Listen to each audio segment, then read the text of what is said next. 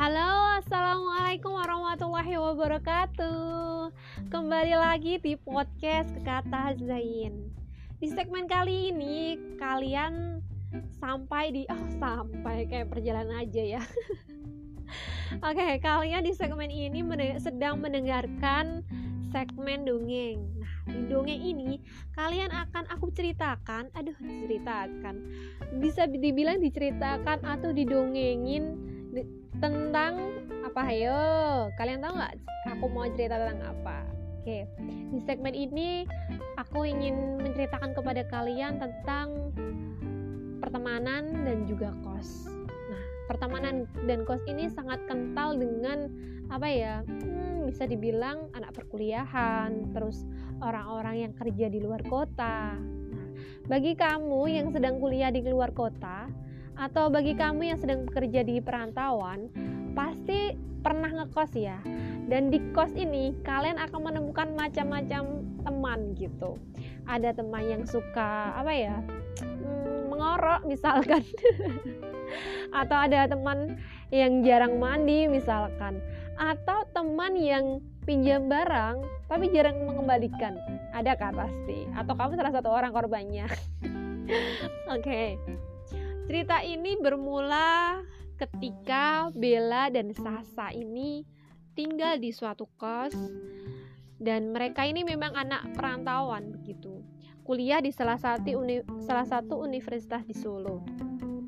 Nah, kebetulan hari itu Bella ini akan menghadiri suatu acara dan di mana acara ini mengharuskan mengenakan baju biru Kebetulan saat itu Bella mencari bajunya ke mana-mana, nggak ketemu. Di tempat jemuran nggak ada, di tempat baju kotor nggak ada, di lemari nggak ada. Waduh, ke mana ya kira-kira? Oke, akhirnya ketika dia mencari-cari bajunya dan akhirnya tidak menemukan, akhirnya dia memutuskan untuk berangkat dengan mengenakan pakaian seadanya, tidak menggunakan pakaian biru gitu. Akhirnya Ketika acara sudah selesai dan Bella kembali ke tempat kosnya, dia mendapati Sasa mengenakan baju biru itu. Wah, langsung nih amarah Bella memuncak. Dia langsung menegur Sasa dengan apa amarah. Hmm, Sasa kamu kalau pinjam baju itu udah aku bilangin berkali-kali ya. Tolonglah, kalau pinjam baju itu bilang, kamu tahu nggak? Kalau hari ini aku harusnya pergi ke acara dengan mengenakan baju biru. Aduh, kamu ini ya menyebalkan sekali. Kata si Bella. Akhirnya si Sasa ini mengatakan sesuatu. Dengan tenang dia. Hmm, Bel. Baju ini loh. Ini pemberian temanku. Ini bukan bajumu. Kita memang mempunyai baju yang sama. Tapi ini bajuku Bel. Kamu lupa ya. Dan kamu ini loh belum tua loh Bel. Kok kamu ini mudah sekali lupa sih? Aduh Akhirnya, Bella tidak terima. Ia tetap menuduh Sasa sebagai pengambil bajunya. Dan ia tidak menerima alasan Sasa. Waduh, pertengkaran dimulai ini teman-teman. Akhirnya Bella mendiamkan Sasa selama dua hari. Selama dua hari itu, Bella dan Sasa tidak saling menegur sapa.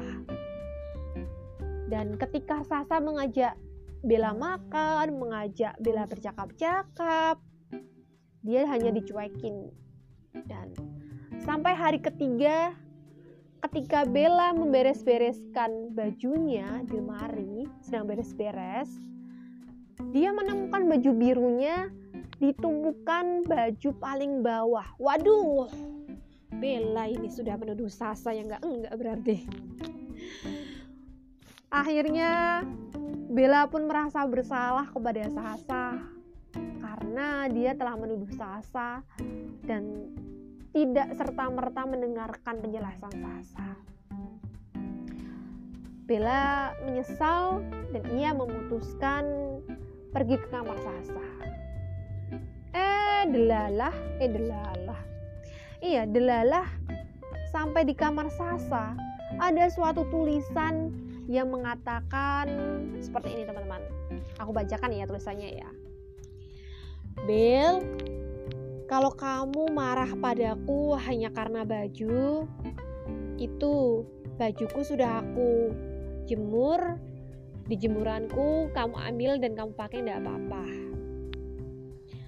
dan maaf ya aku pulang karena tadi kamu masih tidur satu lagi, di ruang tengah ada sarapan buatmu.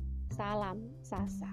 Nah, ternyata Bella dan Sasa ini temanan, berteman tapi ternyata marahan. Dan Bella ditinggal kos sendirian tanpa Sasa. Iya, semuanya ternyata sudah pulang. Oh iya, pulang kampung kan boleh ya, yang nggak boleh kan adalah mudik. Kasihan ya Bella. Dan kadang kita seperti Bella ya nggak sih teman-teman? Kita kita kadang menumpuk prasangka dan apa ya tidak mau mendengarkan perkataan teman-teman atau penjelasan orang lain. Hmm, padahal sebagian prasangka adalah dosa. Semoga di Ramadan ini kita lebih bisa mengurangi prasangka-prasangka buruk kepada teman kita ya. Oke, sekian dulu dari podcast ke kata Zain. Semoga kalian suka. Kritik dan saran sangat aku harapkan di surelku. Dadah, assalamualaikum warahmatullahi wabarakatuh.